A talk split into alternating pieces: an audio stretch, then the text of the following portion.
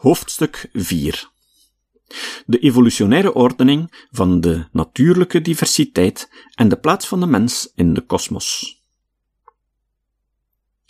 De meeste auteurs menen dat klassificatie een poging is om wetten te ontdekken die de schepper in zijn goedheid heeft gebruikt om georganiseerde wezens te creëren. Maar hoe hol en hoogdravend zijn deze zinnen? Ze betekenen eigenlijk niets.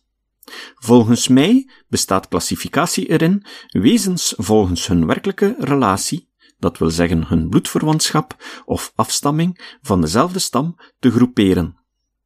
Natuurlijk blijft ook voor mij de moeilijkheid bestaan om de werkelijke verwantschap, dat wil zeggen een natuurlijke klassificatie, vast te stellen.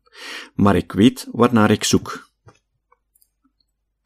Charles Darwin, brief van 26 juli 1843 aan George Waterhouse, Correspondence, volume 2, pagina's 375 tot 376.